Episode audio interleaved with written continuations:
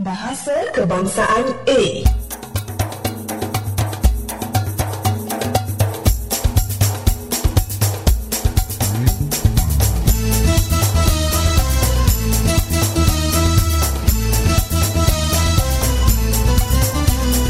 Tahukah anda apakah peranan bahasa Melayu dalam penyebaran agama Islam di tanah Melayu? Bahasa Melayu memainkan peranan penting dalam penyebaran agama, terutamanya agama Islam di tanah Melayu.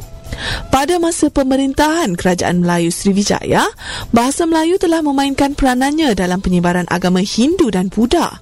Kerana pada masa itu, kedua-dua agama itulah yang mempengaruhi budaya Melayu. Bahasa Melayu dalam bentuk bahasa Melayu kuno telah pun digunakan dalam penyampaian idea-idea abstrak seperti konsep falsafah dan agama bagi mengajar agama Hindu dan Buddha.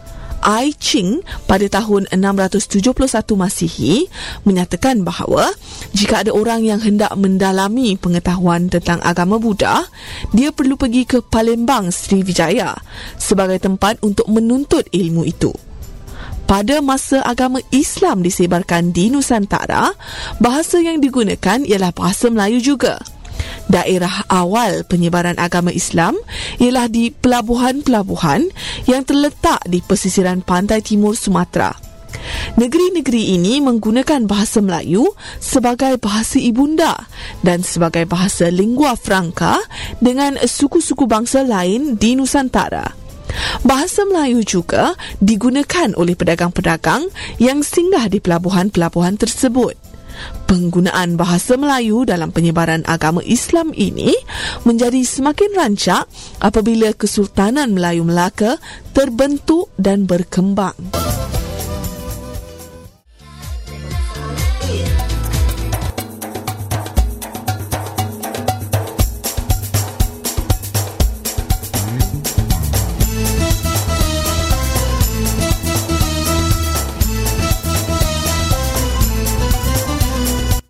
Agama Islam yang diperkenalkan dan diterima oleh orang Melaka telah disebarkan melalui pedagang-pedagang dari Nusantara ke daerah masing-masing.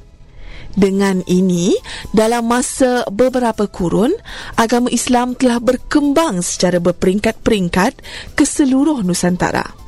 Bahasa Melayulah yang digunakan dalam penyebaran agama Islam ini.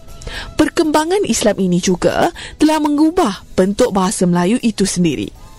Pada masa penyebaran agama Hindu dan Buddha, bahasa Melayu telah menggunakan tulisan dari India dan perkataan-perkataan Sanskrit telah mula menjadi sebahagian daripada perbendaharaan kata bahasa Melayu. Apabila Islam diterima sebagai agama anutan sebahagian besar penduduk di Nusantara, bahasa Melayu telah mengalami perkembangan yang lebih pesat. Orang Melayu telah meninggalkan tulisan Pali yang berasal dari India Selatan. Dan sebagai gantinya, mereka menggunakan tulisan Jawi yang berasal dari tulisan Arab yang telah disesuaikan dengan bahasa Melayu.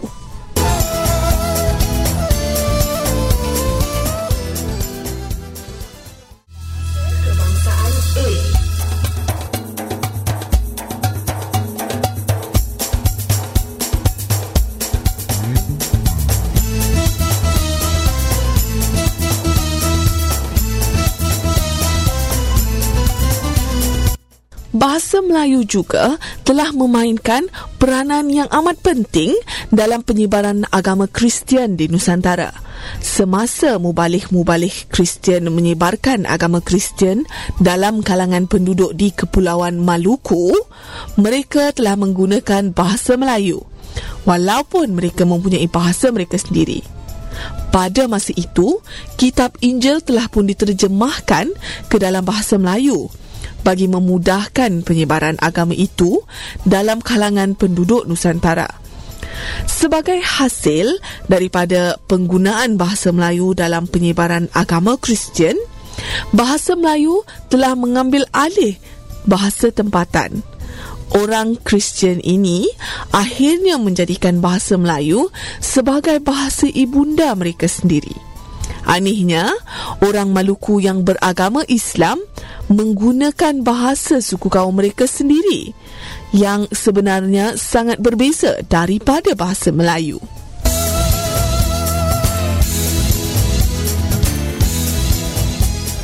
Bahasa Kebangsaan A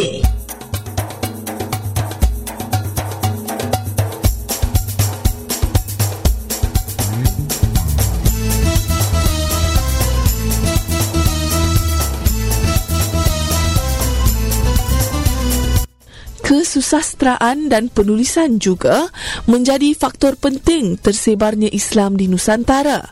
Selepas kedatangan Islam, muncul tulisan Jawi yang berasal daripada abjad huruf Arab.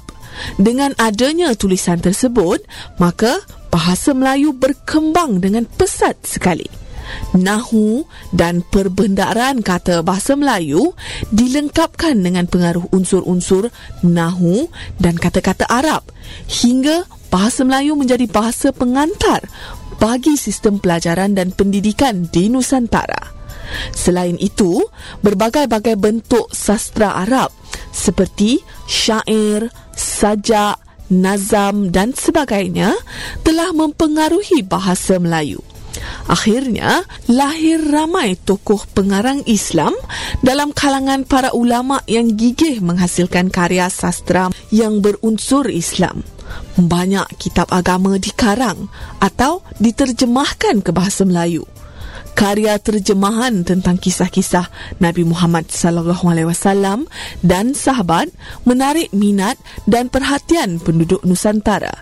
Contohnya, hikayat Nabi bercukur, hikayat Raja Khanda, hikayat Nabi wafat, hikayat Nabi mengajar anaknya Fatimah, hikayat Nur Muhammad dan sebagainya sering dibacakan kepada penduduk Nusantara.